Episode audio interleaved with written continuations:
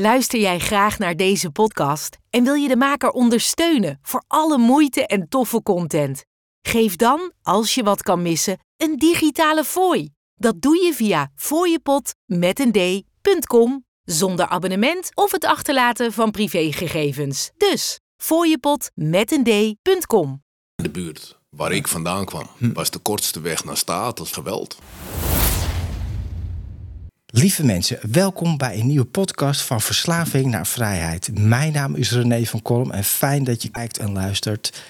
Vandaag heb ik een hele mooie en speciale gast, Dick Trubendorfer. Nou, Dick, wij kennen elkaar echt al best al heel veel jaren. Van de meeting zal ik straks wat over vertellen. Maar inmiddels ben je ook ja, directeur en bestuurder van Trubendorf. Klinieken met acht vestigingen in Nederland om mensen met verslaving en dubbele diagnose te helpen. Ik zag een hele lijst, eigenlijk alle verslavingen die er zijn, kunnen ze bij jou terecht. Maar je bent zelf ook gewoon, net als ik, iemand die in herstel is van zijn verslaving. En al heel wat jaren, ik geloof 25 jaar, 26 jaar. Ik pak einde deze maand, januari, pak ik 28 jaar. 28 jaar. 28 jaar. Niet te geloven. Nou, dat is echt wel heel bijzonder. En ehm zover ben ik nog niet. Maar ik weet ook, ik, waar ik jou van ken, is de, de mannenmeeting in Amsterdam. Hè, de meetings waar ik je tegenkwam. En eh, daar zat jij en nog een aantal andere mannen. En ik was een hoopje ellende die daar binnenkwam. En jullie en jij hebben me wel echt hoop gegeven door je bevlogen manier van praten. En dat je al zoveel jaren op de rit had met herstel. Dus heel bijzonder. Maar goed, je hebt natuurlijk zelf een verhaal. Je, hebt nu, je bent de eigenaar van een succesvolle kliniek in Nederland. Ehm, maar waar, waar is jouw rock bottom moment geweest dat je dacht van nou, nu moet ik echt heel iets anders gaan doen? Wanneer was dat en hoe zag dat eruit? Mijn rock bottom moment. Eerst even in aanvulling op je introductie. Ehm, ik ben inderdaad eh, directeur van Trubendorf Klinieken, maar ook van Fundamentum Klinieken en van Trubendorfer Costa Blanca. Dus even ter complementering. En hebben we het hele arsenaal hebben we genoemd. Eh, mijn rock bottom eh, moment. Jee man, ja, we zitten hier in eh, Zandvoort. Ik heb het je net al verteld toen ik hier binnenkwam. Ja, Wat een vreselijk gat is dit. Ik heb hier alleen maar slechte herinneringen. ja, En desalniettemin, toen ik hier binnenreed, en dat is de, en daar zullen we het waarschijnlijk in dit gesprek eh, misschien ook nog wel over hebben, dat is de ambivalentie die kenmerkt, zeg maar, de gemiddelde addict. Toen ik hier binnenreed, had ik het gevoel van, hé, hey, dit past als een handschoen, dit is bekend terrein. ja. Terwijl ik hier eigenlijk toch alleen maar een hele slechte herinnering heb in dit Zandvoort. Ehm, waarom is dat ambivalent? Eh, dat raakt aan, eh, denk ik, mijn jeugd, waarin ik ben gewend geraakt aan oncomfortabele omstandigheden. En de bekendheid daarvan werd voor mij als het ware leidend in het opzoeken van oncomfortabele omstandigheden, omdat het bekend was. Ehm, ik weet niet of dat eh, enige sens maakt. eh. Zeker, ik begrijp wat je bedoelt. De, de, het eigenlijk niet goed in je vel zitten, moeilijke omstandigheden. En dat was jouw comfortzone. ja, Ja, precies. ja, herkenbaar. En dat ook een soort van onbewust opzoeken of creëren. Omdat het bekend terrein is. Ja. Discomfort, pijn en ellende, miserie en wanhoop en al dat soort dingen. Eenzaamheid, Vooral eenzaamheid. vooral. Ja. Vooral eenzaamheid. En, en je begint over Zandvoort en dan krijg ik ook zo'n soort beeld van... dat zag er niet tof uit toen jij Nou, hier ik was. je vertellen, ik ben twee keer in Zandvoort terechtgekomen. De eerste keer was toen ik mijn rock bottom eh, had. Ja, En ik was toen 34 jaar. En nog een half jaar daarvoor was ik de gevierde held. Eh, kijk, je moet het zo zien. Eh, ik eh, kan mijn leven onderverdelen in een aantal episodes van 17 jaar. Ik heb 17 jaar lang heb ik in een dysfunctioneel gezin gezeten. Die 17 jaar die daarop volgden, ben ik actief verslaafd geraakt. En dat ging van Pietje Bel naar zware criminaliteit van mijn 34ste tot mijn 51ste heb ik een stuk herstel bedwongen. Maar op mijn 34ste dus, toen ik aan het einde van de rit was van mijn verslaving, kwam ik hier in Zandvoort terecht. En eh, ik had het zo bond gemaakt dat ik echt, eh, ik moest me echt een beetje verstoppen. Dus je kunt je wel voorstellen als je hier in Zandvoort zit en zeker in de winter. ja dat- Ik liep met mijn boodschappenkarretje door de supermarkt hier. En als Ja. er dan verkeer van rechts kwam in de supermarkt, dan schrok ik me een hoedje. zo gezegd. Want er is geen hond in de winter in Zandvoort. Althans niet in de periode dat ik... Ik weet niet hoe het niet. tegenwoordig is. Ja, het is tegenwoordig wat drukker, maar toen helemaal. Dat was uitgestorven. vreselijk, vreselijk gat om te zijn. Zeker als je zoals ik suicidaal depressief was. Want dat was ik op mijn 34ste. Ik was aan het eind van de rit gekomen van mijn verslaving. Na 17 jaar gebruik. Ja, je zou kunnen zeggen dat ik op mijn 14 al was begonnen met alcohol. Iets later kwam daar kook bij. Maar tussen mijn 17 en mijn 34ste ben ik echt losgegaan op middelen. En eh, ik heb nog net het havelpapiertje in mijn zak weten te steken. Dat heeft me later enorm geholpen. Maar eh, ja, toen eh, ging de ketting los hè, op mijn 17e. En eh, ja, dat is een wilde tijd geweest. Dus, dat, dus eigenlijk die aanloop naar dat rock bottom moment, daar zit, wil ik heel veel van, van horen. Daar wil ik straks eigenlijk terug naar je jeugd. En je bent ook opgegroeid in Amsterdam, toch? Ik ben Amsterdam, ja. Jij bent Amsterdam. Opgegroeid in Amsterdam-West. Ja, Amsterdam-West. Eh, mijn buurjongens, dat waren de Heinekontvoerders. Oh ja, ja. Dus in mijn straat, in de Beste Vaarstraat, daar speelden we geen ticketje, maar meestal gijzelaartje en dat soort... eh, ik moet om lachen.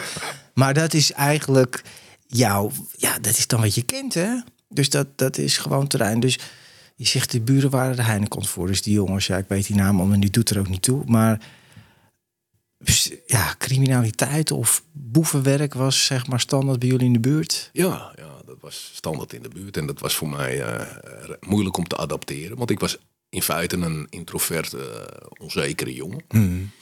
Dus ik heb zeker die periode gehad tussen mijn tiende en mijn veertiende schat ik zo in. Dat ik eh, introvert was, onzeker. Maar ik ben op een gegeven moment gaan judoën en ik werd sterk. Ik was, fysiek was ik een sterke jongen. En eh, raakte al snel verzeild in wat knokpartijtjes. En dat gaf me dan het zelfvertrouwen om een grotere mond eh, op te zetten. Wat ik ook deed. En de bevestiging die ik daarvoor kreeg in de buurt in Amsterdam-West... Ja. die was eh, voor mijn eh, fragiele ego was natuurlijk goud waard. Ja. Thuis kreeg ik alleen grote bek, klappen. Dus ja, want als je het hebt over thuis, hoe zag dat eruit? Heb je nog broers of zussen?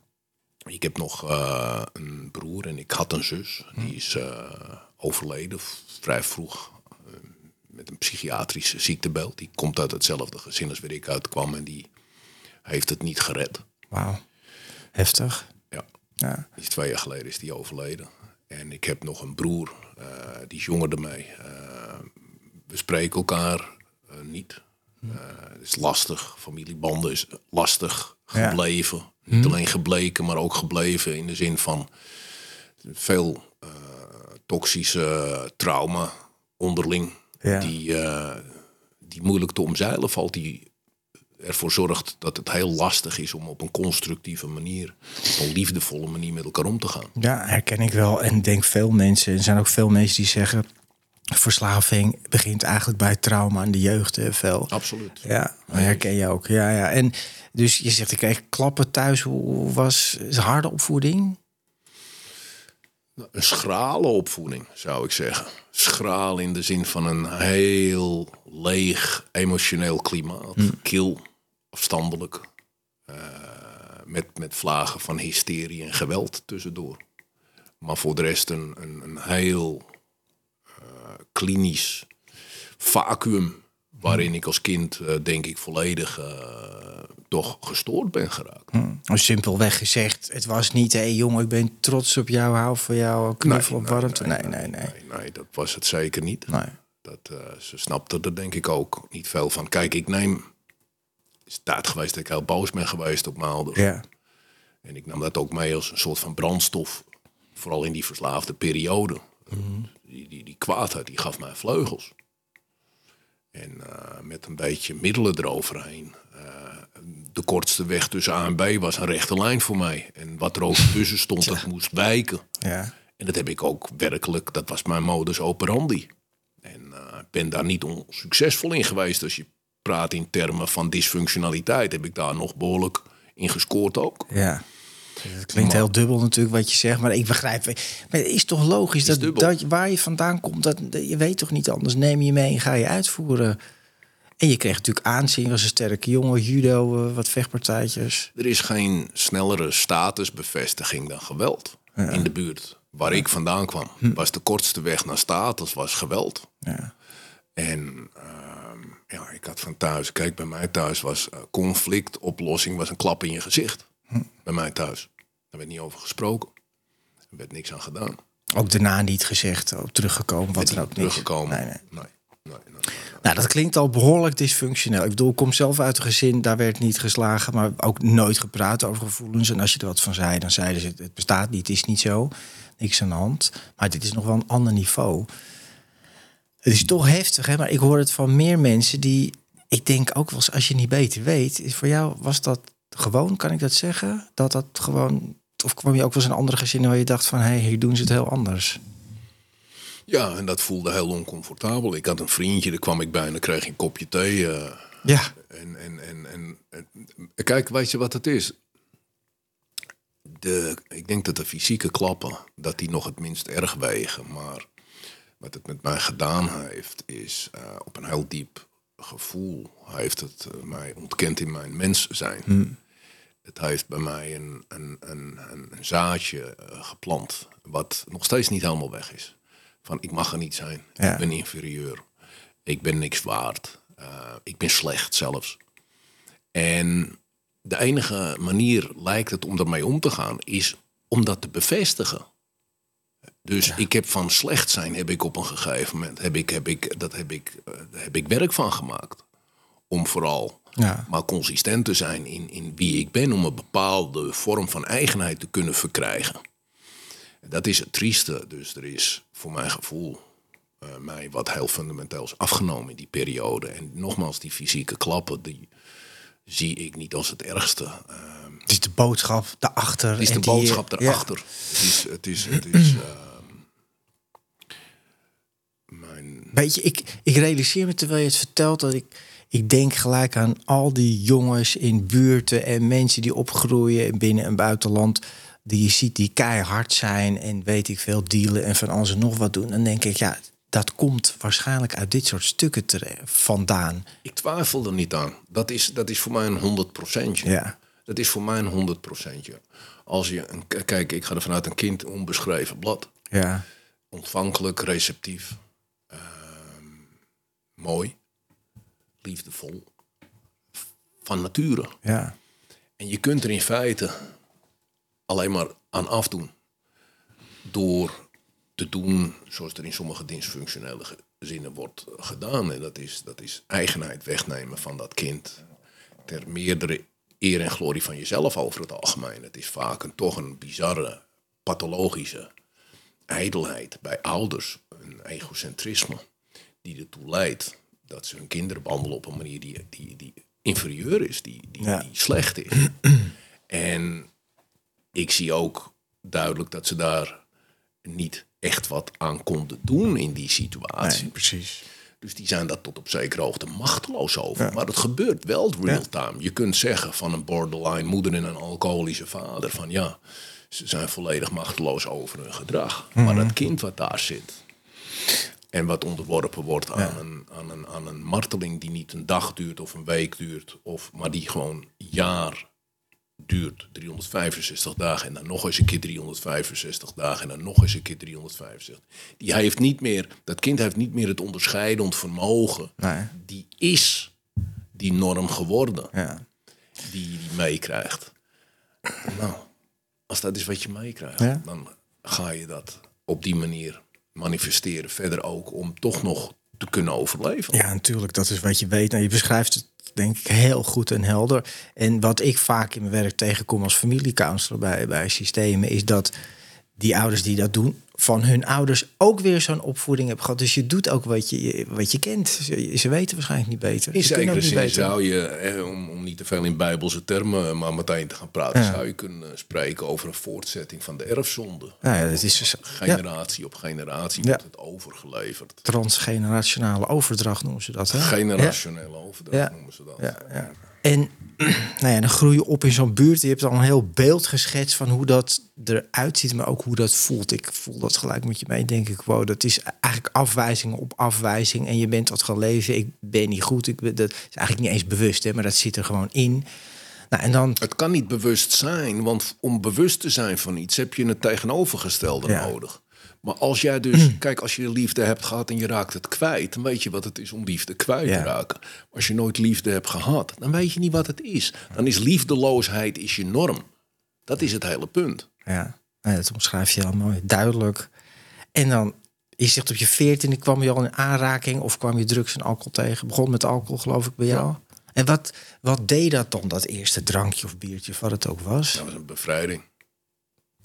Ik zal eh 14 zijn geweest en ik was uitgenodigd bij een zolderkamerfeestje van een ouder neefje van mij. Die was een jaar of 70. Ja. In mijn ogen natuurlijk een grote kerel al. Hè, dat was een stoere gast, Ja. 17 jaar. En eh, zijn ouders waren naar de camping toe. Jacob van Lennepstraat in Amsterdam, op zolder bij hem.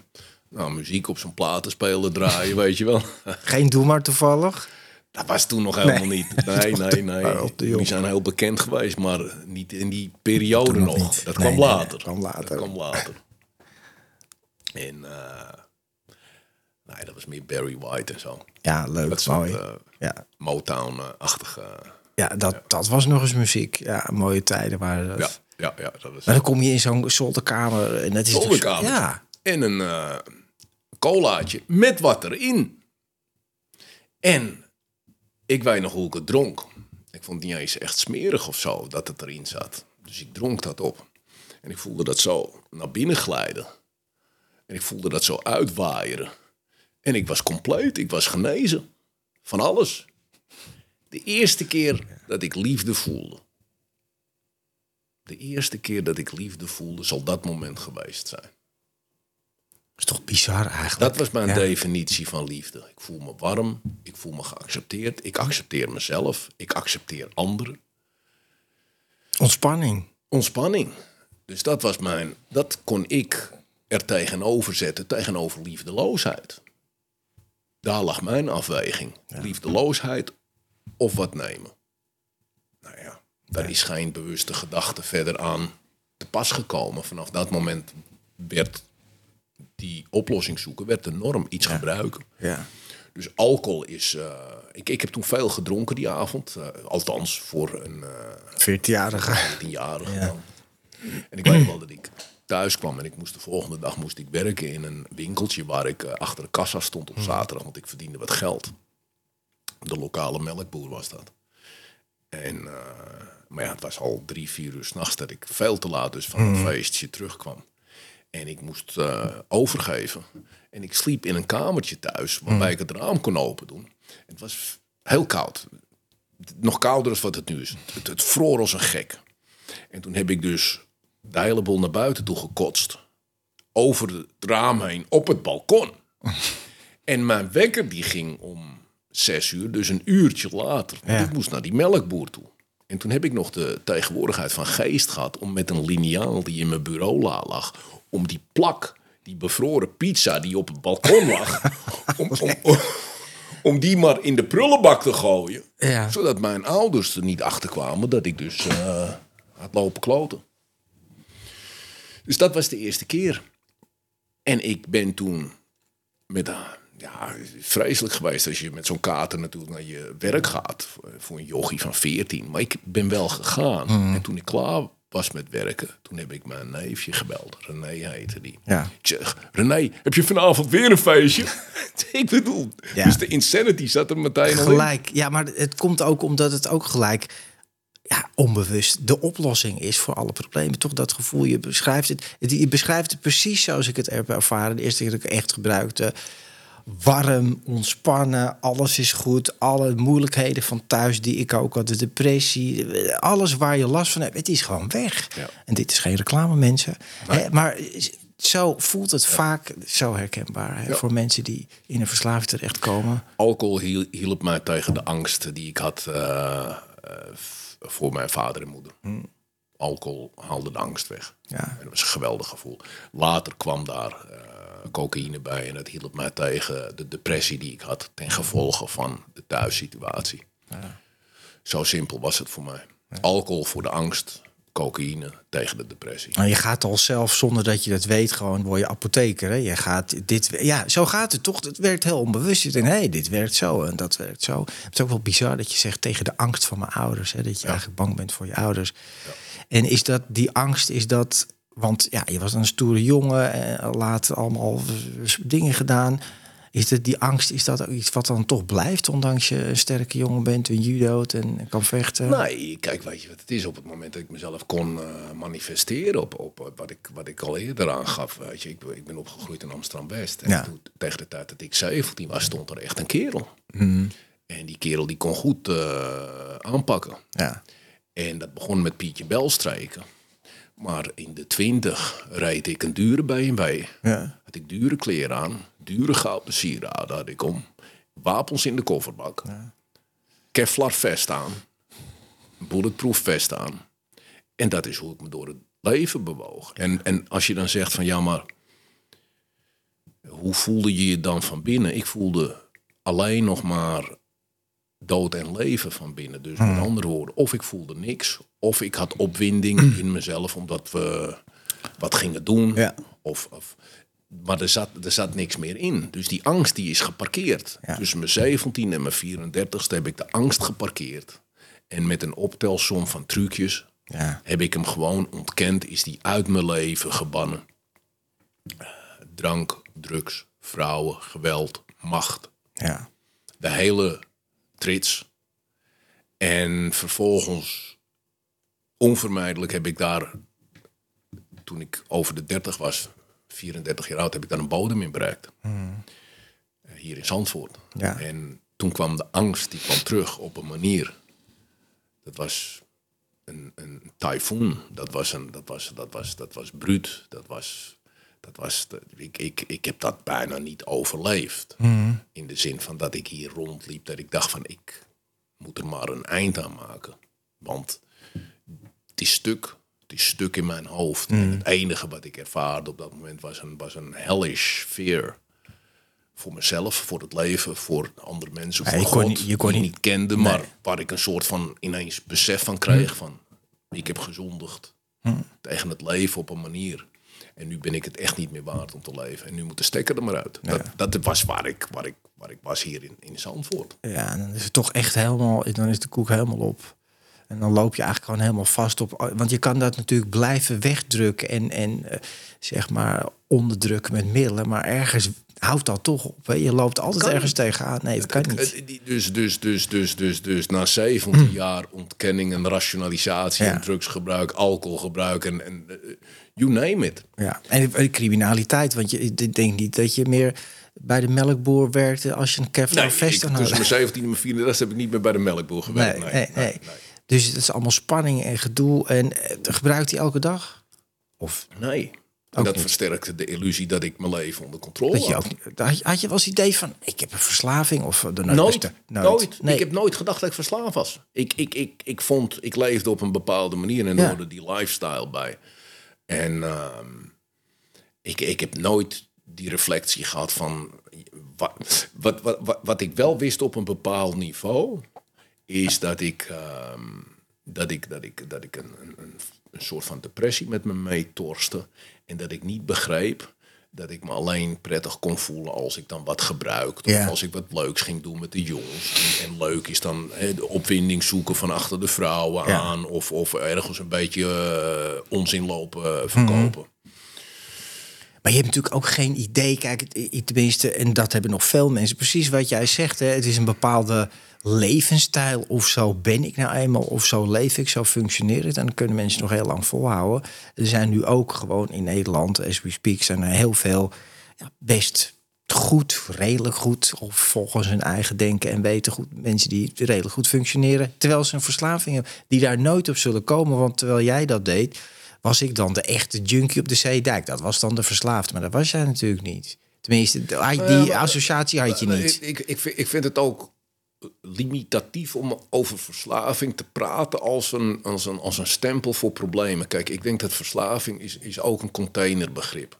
En als je kijkt naar waar ik vandaan kom, we hebben het gehad over jeugdtrauma's en eh, dysfunctionaliteit en, en, en toxische gezinnen, daar hebben we het over gehad. Ja. Maar op een gegeven moment, al die diagnoses die ze tegenwoordig gebruiken vanuit, die, eh, vanuit het handboek Ja. van de psychologie, de DSM. DSM, ja. DSM. Als je dan erbij leest waar het over gaat, ik kon in alles terugvinden. Ik was uh, sociopaat, psychopaat, narcist. Uh, ik had ADHD. Uh, ik had ook ADD. You name it. En ik, ik zag daar 75% van kloppen. Hmm. Dus met andere woorden, die verslaving, dat is niet zozeer het probleem. Dat is, Nee. dat is in feite de oplossing geweest. Eh, maar het probleem, dat zit daarachter. en, en, tuurlijk. en, en, en jij hebt het ook eh, gezegd aan het begin van dit gesprek... en ik beaam dat volledig. Het idee is gewoon dat als het scheef gaat in je jeugd... en daar wordt iets beschadigd van dat mooie kind... eh, dat het dus heel moeilijk is om van daaruit... een, een, een normale, tussen aanhalingstekens, levenswandel... eh, Lukt niet. Te gaan. Ja. Lukt niet, kan niet. Nee. En dat is, dat is te tragisch om vast te stellen. Ja. Dat is tragisch om vast te stellen. Ja. Nou ja, en, eh, en het wordt alleen maar, hadden we het net ook even, het wordt alleen maar erger. Ik bedoel, ik zie alleen maar dat steeds, steeds meer mensen vastlopen. Steeds jong, meer jonge mensen echt serieuze drugs gebruiken. Steeds meer loopt de boel eigenlijk helemaal in het honderd. Omdat we, denk ik ook, we leren van alles op het nieuws. Wat je eraan hebt, weet ik niet. Maar en op school. Maar je leert niet hoe je moet leven. En als dat gelijk al scheef begint, hoe ga je gewoon om met mensen, gevoelens, emoties, alles wat je. Dat leren we toch niet? En als je, kijk, je hoort dat eigenlijk thuis te leren, denk ik dan. Maar dan moet je het ook van mensen leren die het zelf ook kunnen. Gewoon ja, verbinding, eh, omgaan met spanningen, emoties, eh, alles wat je tegenkomt in jezelf en in je omgeving. Als je dat niet kent en je omgeving weet dat niet, dan ga je toch ergens compenseren of zoeken, eh, middelen, gedrag, geld, wat het ook allemaal is. Het moet ergens worden, eh, ja, toch gefixt. Ja, ik, ja. ik denk, eh, je zei het al, hè, het, eigenlijk moet het thuis Ja. verzorgd worden. Die opvoeding, Ja, die imprinting, eh, dat klaarmaken voor het leven. Kijk, veel van die kinderen in kluis, eh, wij dan klaarblijkelijk, we zijn toch een beetje met een plastic zwaardje de oorlog ingestuurd. ja, dat is mooi zeggen, ja. we zijn toch Ja. met een plastic zwaardje de oorlog ingestuurd. We moesten het maar uitzoeken, en, Ja. en, maar we konden niks. Nee. in feite. Eh, en, en weet je, en de, de impact, maar ook de omvang van, van die conditie, van, van de effecten ook van zo'n dysfunctioneel verleden, dus functionele opvoeding, Ja. die gaan zo ver. Ik bedoel, ik ben nou 61, ik ben 28 jaar clean. Maar ik heb, er zijn nog steeds evenementen die mij in mijn kindreactie kunnen krijgen. Dus, dus met andere woorden, als er eh, relaties is bijvoorbeeld een, een nog steeds een lastige, eh, waarbij als het niet loopt zoals ik hoop dat het zal lopen, of ik zou wil dat het zal Ja. Nou, eh, staat er best wel iemand te stampvoeten, Ja. weet je wel. Ja. Als, een, als een kleuter af en toe. Maar het is toch logisch dat, en jij kent dat ook, maar dat is toch ook totaal iets wat je niet geleerd hebt. En een relatie met een vrouw nemen. Kan. Nee, maar dat is. Dichtbij komt het eigenlijk niet. Maar daarmee word je natuurlijk waanzinnig getriggerd ook op die stukken. Die, en, en ik denk ook wel eens, nou, je 28 jaar clean is echt wel heel serieus wat. Hè? Dat, ik denk dat je. Dat zijn- Ik ben ook 28 jaar ouder geworden in die tijd. Dat is weer jammer dan. Ja, dat gebeurt ook.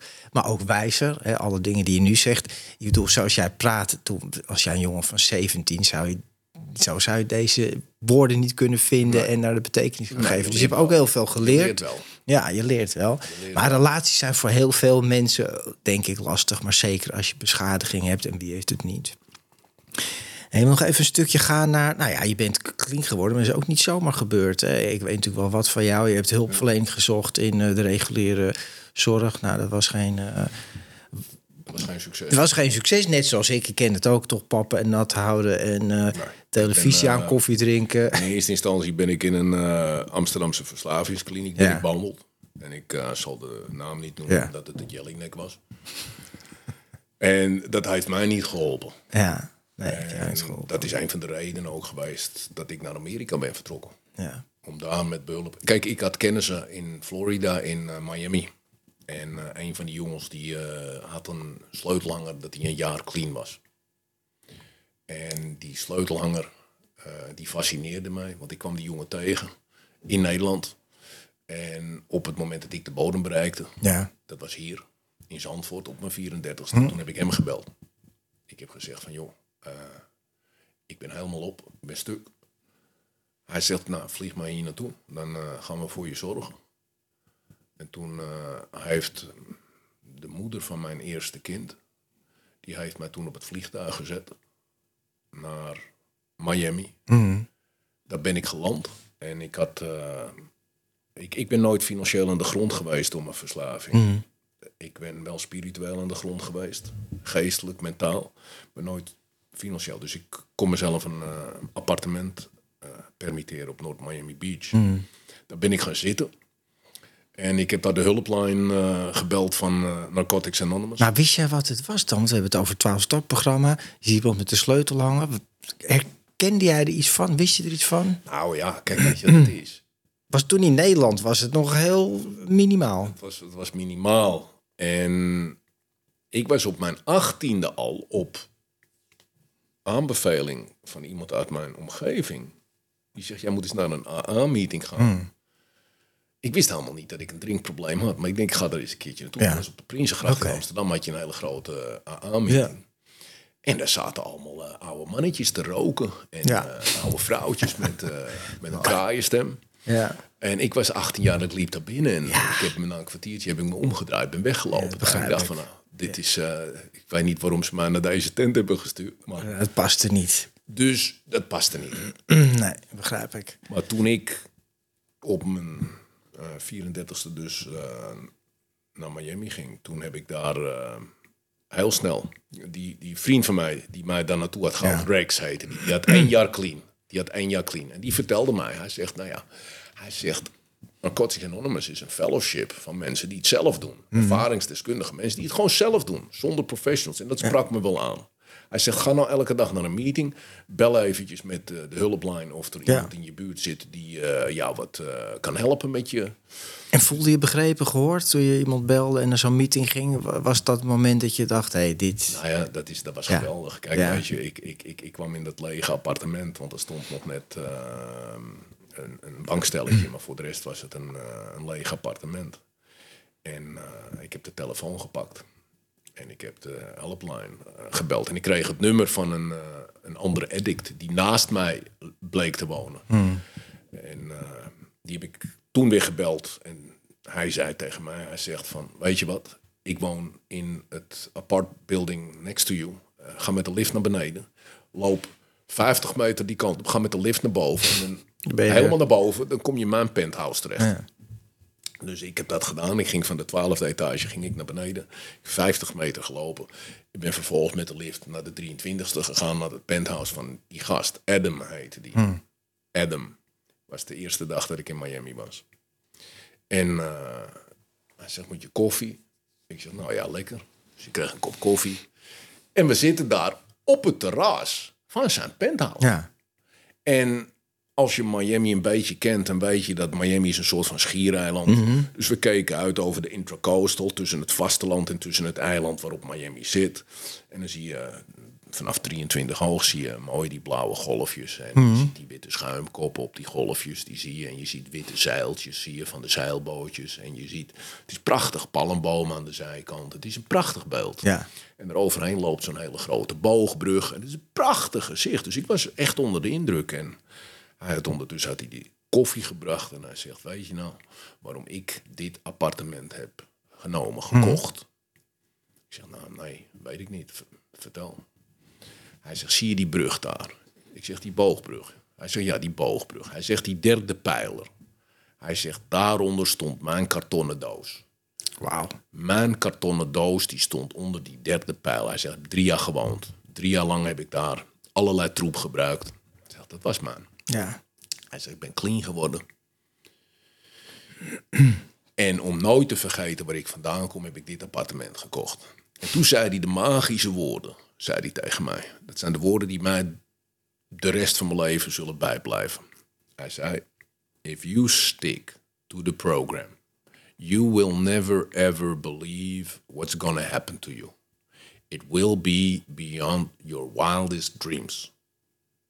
En die woorden die zijn als lasers, als laserstralen in mijn hersenen gegaan. Die, die, die ben ik niet meer kwijtgeraakt. Want hij sprak die met een overtuiging die ik niet kende. Ja, je geloofde hem. Je ik wist- geloofde hem. Er zat, geen, er, zat geen, er zat geen grijs gebied tussen. Ik, ik voelde, hij heeft gelijk. Ja. En dat En- is ook wel de kracht van iemand die dat zelf heeft meegemaakt en die Absoluut. ervaring heeft. Hè, dat, daarom werkt het ook zo goed. Absoluut. Ja. En het, het, het leuke is dat ik ben natuurlijk later eh, in, de, in, in, in, in de verslavingswereld ben ik eh, kliniek eh, zelf begonnen. Maar die spreuk die hangt nu in elke wachtkamer zag het op je, van, van de klinieken. op je internet. Ja. Ja. Ja, waanzinnig. Hey, en, en Dick, hoe kijk jij aan? Het is inderdaad een miracle eh, als je zegt over een wonder wat gebeurd is. 28 jaar clean, je bent echt heel diep gegaan, heel ver gegaan. Je komt uit een zware, ik vind het echt heftig, hè? een zwaar dysfunctioneel gezin. Nou, en dan zit je hier en je hebt ook nog acht klinieken. Dus dat is ook wel een wonder dat je andere mensen ook weer kan helpen. En hoe, wat, ik vraag ook al ve- veel mensen wat verslaving is. Ik denk dat dat wel duidelijk is. Maar herstel wordt ook waanzinnig onderschat. Hoe kijk jij aan tegen herstel? Heel veel mensen denken toch... Ik dacht vroeger, ik stop met gebruiksprobleem probleem over... en dan komt de rest wel goed. Maar dat is toch niet zo? Ik Hoe ben, kijk jij er eh, tegenaan? Ik, ik, eh, weet je, het hele punt is, als ik dat verhaal ga vertellen, dan is dat misschien niet zo heel inspirerend. Want herstel is een bitch. En er komt geen einde aan. Dus op het moment dat jij denkt dat je er bent, krijg je een pets in je gezicht. Ja. En dan mag je weer overnieuw beginnen. Ja. Dat is een beetje wat herstel is.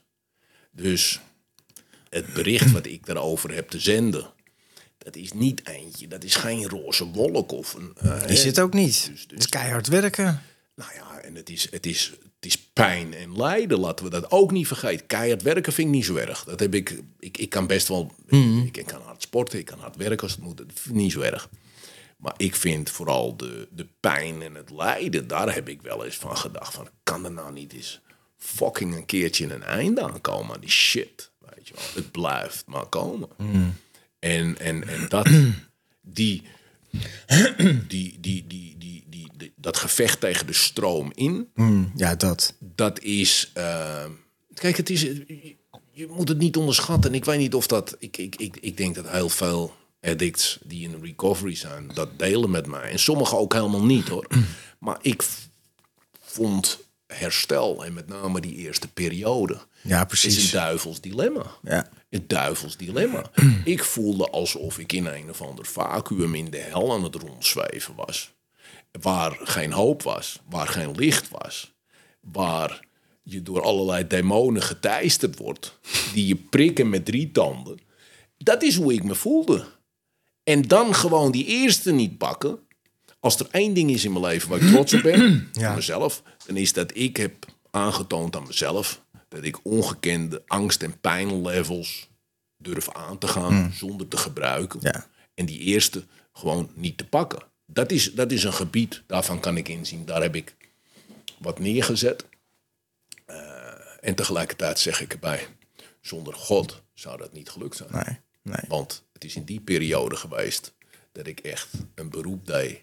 Ben je gaan bidden? Ja, Ja. ja, ja. Ik vind dat wel mooi. Weet je, dit is zo eigenlijk wat. Ja, ik zeg het. Ik bedoel, ik bid elke dag en ik mediteer elke dag. Maar gewoon als je jouw verhaal hoort, dan denk je dat past zo niet in dat verhaal, God. Nee, past er ook niet Nee, in. maar- nee, natuurlijk niet. Nee. Maar ik, ja, kan je er wat de- leuk, ik kan er wat leuks Ja. over vertellen. Kijk, moet je luisteren. Ik heb op een gegeven moment mijn eerste sponsor in Amerika. Die zegt tegen mij, ben jij gelovig? Ik zeg, nee. Hij zegt, ben je religieus opgevoed? Ik zeg, nee. Ik zeg, de enige keer wat in de buurt komt... Ik ben een keer naar de zondagschool gestuurd... omdat ze mij kwijt wilden. Nou, dat is toch een iets andere, maken. iets andere reden, ja. Ik zeg maar wat ik, wat ik deed. Ik zeg nog sterker. Ik zeg ik dus helemaal niks met religie. Ik zeg weet je wat ik altijd deed. Zo vertelde ik dat tegen die sponsor. Ik zeg ik was altijd veel op hotelkamers. Want ik had een er was een Franse filmster. Mm. Dat was mijn idool. Ja, Dat was Alain Delon. ja, ja. Hè? Dat was een, was een solo gangster. Die regelde alles. Ja. Die was altijd in control. En als het niet linksom kon, dan kon het rechtsom. En dat was mijn idool. Dat was een playboy was dat. En ik spiegelde heel veel in mijn leven Hmm. aan die rol. Alles moest er goed uitzien. Dure auto rijden. Eh, niks uit de weg gaan. Hmm. Kortste weg tussen A en B. Rechte lijn. En wat Alain Delon altijd deed, die sliep altijd in die obscure hotelletjes. En die had hij voor de deur had die mooie Ferrari geparkeerd. Ja. Maar hij sliep in obscure hotels. Ja, hij rookte sigaretten natuurlijk. En dronk zijn whisky. En, eh, Dus dat was jouw voorbeeld. dat is mijn voorbeeld. Ja.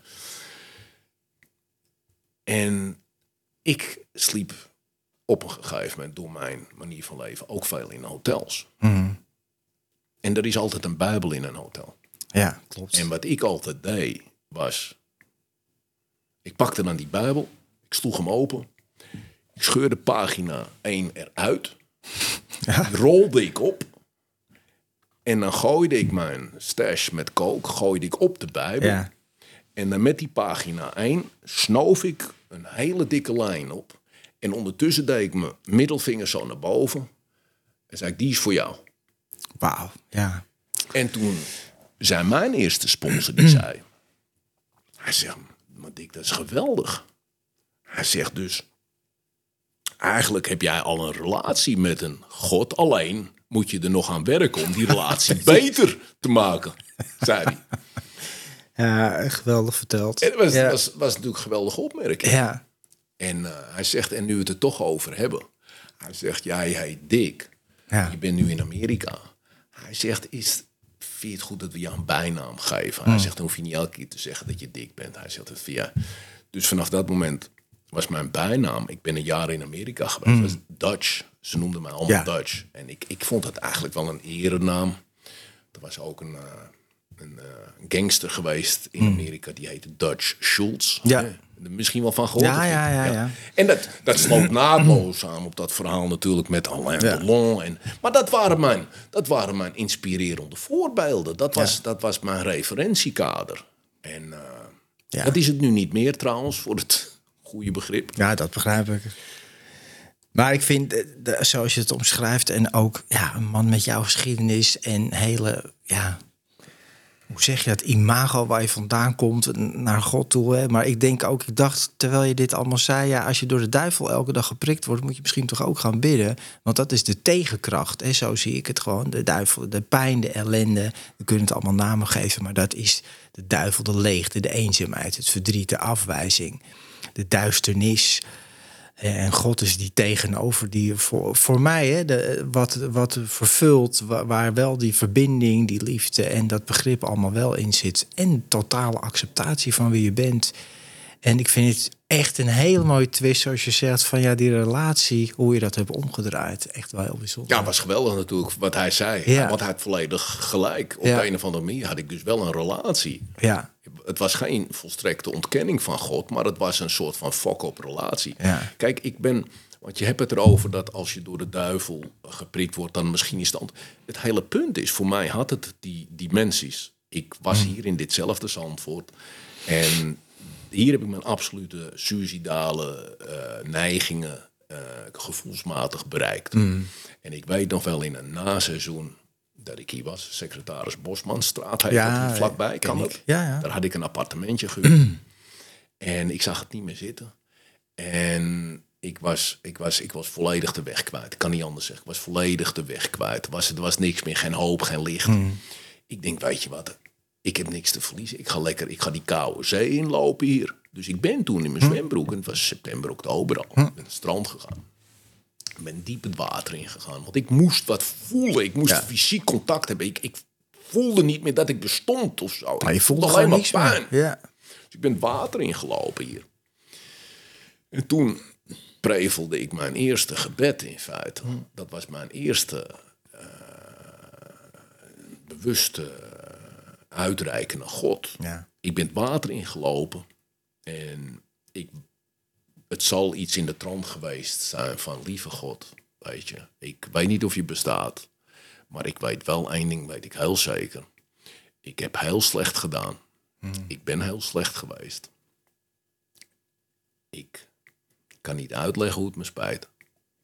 En als het me mijn leven kost, als ik nu het leven kwijtraak, dan als dat de prijs is die ik moet betalen om het schoon te maken, dan heb ik geen seconde twijfel. Dan doe ik dat graag. Dat was het gesprek wat ik gevoerd heb met God. En ik heb in ieder geval toen, in die periode, geen zelfmoord gepleegd. Nee. Er is helaas ook niet een grote engel naar beneden gekomen die meteen alles heeft verzorgd. Ja, zo makkelijk gaat het niet. Nee. Maar wat ik wel heb gekregen was lucht om de volgende Verder te gaan. staan, Ja. door te gaan. Ja. En het is gewoon een zwaar traject geweest. Ik, herstel is gewoon een, een absoluut... Ja, maar dat, dat kan ook niet. Als je daar vandaan komt, dan kan toch niet herstel. We stoppen met de middelen en opeens gaat alles eh, van een Kan dakje. Dat is onmogelijk. Maar dat is ook precies zoals ik kijk naar herstel. Dat is ook wat het is. Precies daardoor heen gaan waar ik altijd voor weggelopen ben. Ja, dat is dus pittig. En eh, nou heb ik, het, ik heb het niet zo ervaren van elke dag is pijn en lijden. Maar ik weet wel, de eerste jaar, anderhalf jaar... Ja, dat was verschrikkelijk. Ik zat ook in Amsterdam. En eh, ja, verlorenheid, overspannenheid, al die dingen voelen en maar niet gebruiken. En maar gewoon eigenlijk het constant ervaren van alles wat ik altijd niet wilde ervaren. Dat is eigenlijk kort gezegd herstel. En op een gegeven moment wordt dat wel veel makkelijker en komen er leuke dingen bij. Nou ja, dat is bij jouw geval ook zo. Ja, dat is bij mij ook het geval Ja. geweest. Op een gegeven moment wordt het makkelijker. En er kwamen hele leuke dingen bij. Ja, Ik En heb nog een, steeds. eh, een geweldige carrière opgebouwd. Ja, Eh, kan je wel een zeggen. carrière. ja. En, en, en weet je, ik bedoel, eh, ik, ja, ik, kan, eh, ik ben een wereldburger geworden die, eh, die overal naartoe kan om, om, om te werken, te spreken, te doen, Ja. et cetera, et cetera. fijn is dat? Ja. En, en, en de wereld is groot geworden voor mij.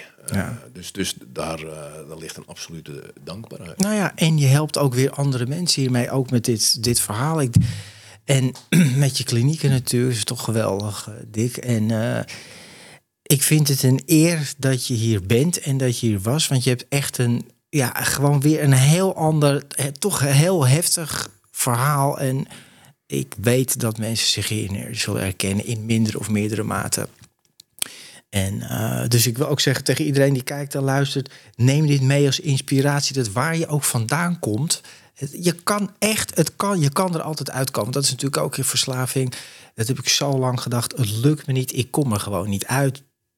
Tig keren gestopt, weer teruggevallen. En nou ja, wat bij veel mensen gebeurt.